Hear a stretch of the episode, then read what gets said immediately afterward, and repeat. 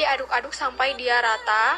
Nah, abis itu baru dimasak sampai dia menggumpal. Oh, udah menggumpal kayak gini, ini ditunggu dulu biar dia dingin. Setelah dingin, aku masukin dua telur. Pas ngaduknya agak susah, tapi nanti juga tercampur.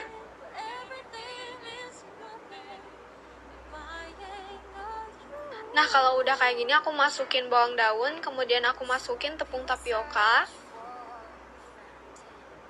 Terus ini diaduk-aduk sampai dia rata, jangan terlalu kasar ya mengaduknya, nanti takutnya dia jadi ngeras. Kalau udah rata, itu aku bentuk kayak bikin otak-otak. Nah ini setelah dibentuk, aku rendam dengan air yang ngegolak. Jangan lupa tambahkan sedikit minyak biar nggak nempel. Nah kalau udah mengambang, itu baru dijahit. Setelah itu aku goreng sampai dia agak kecoklatan warna warnanya dan udah dijadi ini sumpah enak banget cuman bahan-bahan pasti ada deh pokoknya bahan-bahan ini di rumah kalian. Selamat mencoba